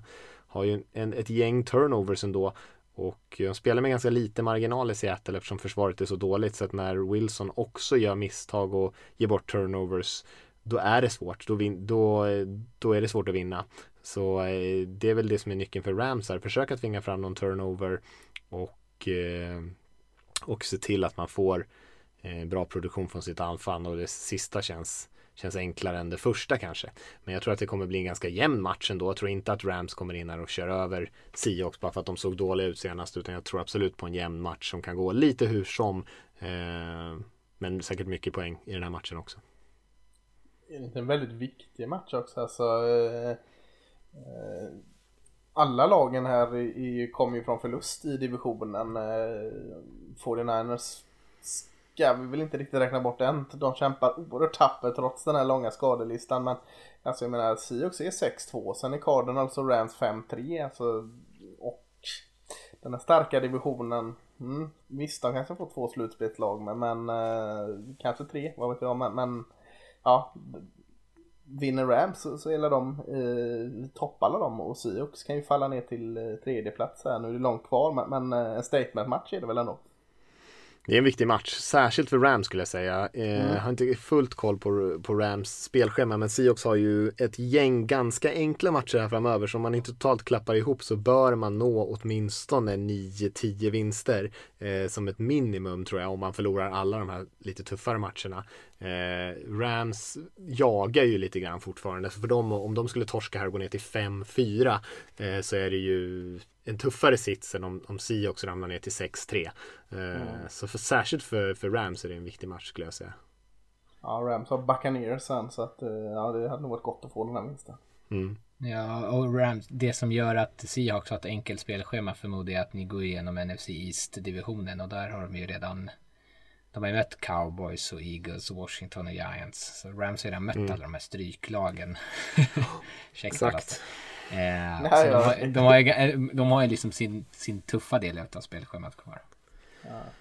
Men den är ju intressant, precis, precis som du säger Lasse med det här, vem kommer ta hem den här divisionen? Inte bara divisionen utan liksom wild, eller bye week står ju liksom på spel. Eh, och då är de här matcherna inom dels inom konferensen men kanske också inom divisionen är oerhört viktiga. Eh, Cardinals spelar ju mot Bills den här veckan också, så det är en tuff match. Men eh, alla de här lagen kan alltså det är ju ett, ett getingbo här. Och, eh, och någon behöver ju separera sig om de ska kunna plocka hem en vilovecka inför slutspelet. Mm, man, man, kan ju säga att, du pratar om tio också haft dem, men kolla Rams har fem vinster. Fyra av dem är mot Cowboys, Eagles, Giants ja. och uh, fotbollteam. Så att uh, de har egentligen en vinst utanför NFC East. Eh, så ja, de, båda de har eh, haft den här räkmackan att glida på. Mm. Men det skulle ju vara oerhört eh, smutt skulle jag säga för Seattle om de vinner den här matchen mot Rams och dessutom då som Rickard är inne på Cardinals torskar eh, mot Bills. Eh, för sen har ju eh, Seahawks då Cardinals nästa vecka eller efter sin, eh, ja nästa vecka och sen har de ju Eagles, Giants, Jets eh, fotbollteam. Eh, och dessutom 49ers vecka 17. Så att det, om, om de vinner den här matchen Seahawks så, så, ser, så har de ju en extremt eh, bra position för att ta hem divisionen. Om man nu inte mm, spelar ja. dålig fotboll. Och eh, bara som en sista notis, för att jag tycker mm. att det är kul nu när vi ändå pratar om de här två divisionerna. NFC West så har alla lag en, alltså de har gjort mer poäng än vad de har släppt in. Alla liksom ligger på pluskontot i poäng. Och i NFC East ligger då alla lag på minuskontot. Tänkte bara skriva det, är väl det, det är väl inget som har missat att alla lag Nej, men det är ändå väldigt ovanligt. Det är otroligt ovanligt att se så många röda siffror. Ja, jo, visst. ja men det är det ju. Men uh, ja, det, det kan, frågan är om det kan hålla i sig när de börjar. Las Vegas har också minus. ja, ja, ja, ja, ja, nu hoppar vi vidare till någon annan match tycker jag. Om det var någon mer vi hade kvar som vi vill nämna. Har vi, är det någon kul? Vi hintade om Bills Cardinals-matchen men Ja, ja den är ja, väl den... kul. Och två bra lag och två bra eh, quarterbacks som spelar bra just nu också. Mm, och Buffalo Bills känner flåset här från eh, Dolphins också. Mm. Just det. Just det. Men, men ja, eh, den är rolig. Det är väl, ja nu är inte hemma för så hemma borta så viktigt längre men den är väl i eh, Phoenix-området där. Ja, två, eh, två unga spännande QBs helt klart och eh, Bills, jag vet inte ja, vad, vad, hur liksom långt ska man ta dem? Jag, jag har liksom svårt att se, mm, det är ju ingen som nämner Buffalo Bills som är tänkbart Super Bowl-lag liksom. Eh, men stundtals har de väl sett så bra ut. Ja, de högt upp på vår ranking. Eh, de, jag tycker att de har en väldigt hög högsta nivå. Men... Eh, men hade du kunnat säga, ja men Bills eh, Super Bowl? För där blir det ju förlust, det blir det alltid när Bills är Super Bowl. Men det, men det är ju en annan sak. Jag tror att var det inte Daniel Krona som la upp det här på Twitter någonstans där det så här, ja men hur har det gått när eh, Bills har börjat så här bra efter nio matcher? Ja, då har de gått till Super Bowl varje gång och förlorat varje gång. Eh, så det, det, är väl, de är väl Super Bowl bound och så kommer de torska den. Ja. Eh, nej, alltså jag, jag, skulle inte bli förvånad om de möter säga Steelers i slutspelet och, eh, och spöar på dem. Alltså det är Chiefs som jag tycker kanske är det största hotet där. Titans mm. vet jag inte om det är tillräckligt seriöst. Ravens är i och för sig bra. Där möter de väl på. Men eh, det, är inte, det vore inte helt sjukt tycker jag om Bills vinner över Steelers eller Ravens eller Titans. Det, där jag tycker att de skulle verkligen överraska mig om de vinner över Chiefs. Ja, då får Josh Allen eh, hitta ett annat sätt att spela slutspel än vad gjorde förra året. För det var inte grant. Ja, det är väl samma med Lamar Jackson å Ja, jo, men jag mm. tänker på den här panikpassen ja. där det, sitter fast Ja, det var en kul liksom, ja. Ja, nej, eh, men liksom, som vi sa att det är de lagen som åkte på ganska stort torskar att liksom blev lite snöbollseffekt på dem. Det blev också lite positiv snöbollseffekt på Bills här senast och det finns ju saker som man kan diskutera i deras spel än så länge den här säsongen. Försvaret har ju inte spelat jättebra. Springspelet har inte alltid klickat sådär superbra. Eh, linjen inte heller. Det är ju passoffensiven som har varit deras absoluta styrka och eh, jag tänker att om de ska vara Super Bowl-utmanare eller spela Super Bowl då måste kanske flera lag lagdelar kliva fram och det var ju ett bra första steg här i förra veckan. Men här möter man ju en till kvalitetsmotståndare ändå och får chansen att visa att eh, det här är en trend som kan hålla i sig. Att man, att man har mer eh, en, en match där hela laget liksom levererar. Mm, och Josh Allen får visa att han inte är den nya Philip Rivers. Eh, en en eh, QB med sjukt bra självförtroende som eh, kanske kastar lite för många picks.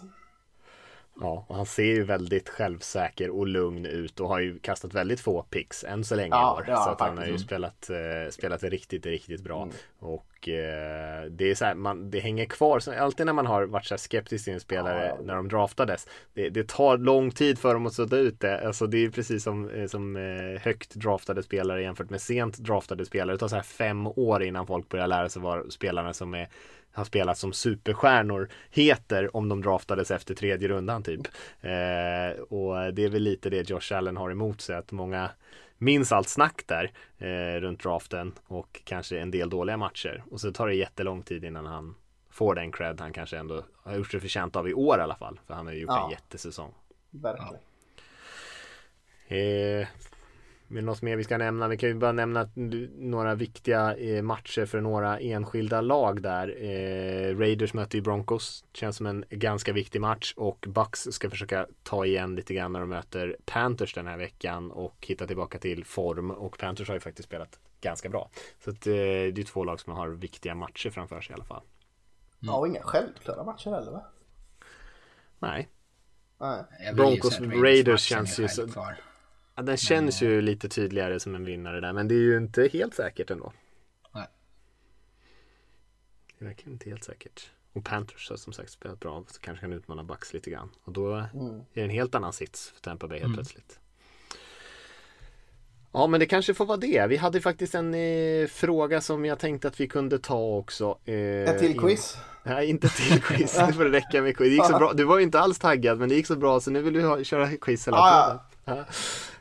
eh, nej men vi fick en fråga här som eh, Jag har faktiskt inte skrivit upp här vem det var ifrån. Men eh, tack för en mycket bra podd. Eh, och eh, han undrar, han frågar här att eh, ursäkta jag läser samtidigt här men eh, frågan är var fäster ni blicken vilken del av spelet och så vidare när ni tittar på matcher för ibland när man lyssnar på er i podden så får man känslan av att ni måste ha sett matcherna tre eller fyra gånger för att uppfatta både vad kuben gör, linjens spel, hur en receiver kommer bort från en block, vilken vinkel alla linebackers tar och så vidare. Men så kan det väl inte vara, eller?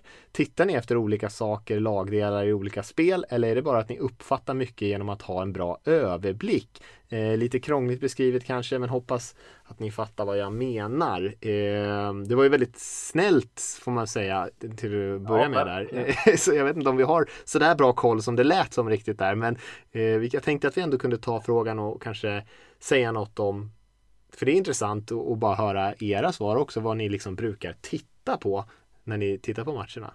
Jag kan ju svara vad Rickard eh, har en jäkla blick för sina, för höfterna vet du, på secondary. han är mitt höftindex. när vi ska prata draft så, så värdesätter han ju eh, rörligheten i höfterna enormt. Så eh, där har vi Rickard svar. ja, det är det enda jag kollar på. Kolla bara höfter. Ja. Nej men det är så här det är ju så vanligt att ett så tips som man, man vill se mer utav matchen är att inte följa bollen för det gör man gärna annars. Och det är ingen, ingen anledning att sitta och titta på när kuben håller den i handen. Liksom. Eh, jag brukar tycka det är roligt att kolla på linjerna, eh, mm. hur de spelar där. Och då, där ser man ju också ifall det är ett springspel eller inte beroende på hur den offensiva linjen reagerar. Eh, och så är det ett springspel då, då, kan man kanske sätta blicken på bollen och se vad running backen gör. Och sen beroende på lite vilka lag det är som spelar så brukar jag vilja följa olika spelare och kolla, ser man, ser man cornerbacken till exempel som, som om man har någon man tycker om så titta lite där, kolla lite vad receiver, vilka receivers som rör sig bra. Eh, sällan att jag egentligen tittar så mycket på vad, vad bollen är exakt. Ja men det, det, tror jag tar rygg på det. Jag brukar utgå från eh, offensiva linjen eh, för att där någonstans ska ju även defensiva linjen attackera va? så då får jag två mm. enheter i ett.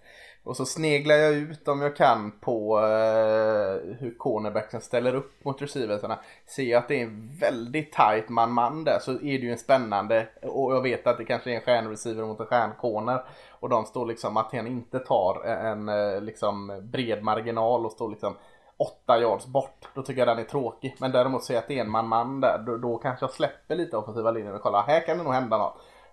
Sen händer ingenting där för att då är det springspel upp i mitten. Då missar jag större delen av det eller jag får gå dit sent. Men eh, man har ju oftast lite tid eh, innan eh, bollen är igång och, och eh, leka olika varianter med ögat. Eh, och hittar du ingen då, då utgår jag från mitt liksom standardläge och det är offensiva linjen. Ja, jag tycker det är jättebra svar där. Alltså första sekunden av ett spel så händer det ju ingenting egentligen när bollen transporteras från centern till quarterbacken och till runningbacken eller vad det nu är. Då kan man ju lika gärna kolla på linjespelet och som ni säger, man ser ju ofta då vad som händer. Man ser ju om det är en pass eller ett springspel oftast. Eh, och om det är en QB som passar bollen, då behöver man ju knappast egentligen titta på när quarterbacken kastar bollen. det är inte, man får inte ut så mycket av det. Så att eh, jag brukar också kolla på linjespelet. Sen tror jag att man kan lära sig, alltså ju mer man tittar också så tror jag att man eh, man lär sig uppfatta vad det är för situation som du är inne på Lasse. Är det liksom tredje och fem eller tredje och sex, tredje och sju, då vet man att det kommer ett passningsspel. Så då kan man ju lika gärna fokusera på de grejerna. Det är inte, det är inte alltid så, men nästan alltid så. Eh, och, och då kan man ju kolla efter de grejerna redan innan spelet. Jag brukar alltid innan Snap också kolla vad de är i för formationer, hur många receivers är det på plan. Ja, om det går att se, mm. men framförallt på anfallet går det ju ofta att se ja. hur många receivers är på plan, hur liksom har de extra tight ends, står de inne vid linjen och ska blocka lucka eller liksom, hur har de ställt upp sig? Den typen av grejer också, för det kan vara intressant, även fast man inte kan gissa. Man är kanske ingen Tony Romo kan gissa exakt vad de ska kalla för spel, men det kan ändå vara intressant att, att ha en känsla för, ja, men nu ställer de upp med fyra receivers det här spelet också. Intressant på något sätt. Och så kanske man ser någon trend över matchen att, ja, men oj vad mycket receivers de spelar med eller något sånt där. Vad man nu kan hitta för någonting. Så det är bara försöka ta den tiden innan. Och sen tycker jag, och det är också en väldig skillnad om man vet att det är en bra kommentator eller när det är en bra kommentator så kan man ju faktiskt få väldigt mycket hjälp av ja, dem också.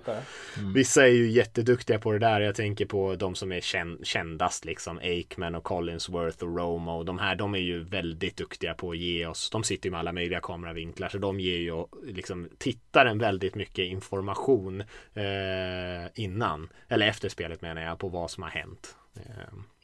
Det är lite roligt också med vanor. eh, Alla de här åren jag har sett Cowboys och Jason Witten.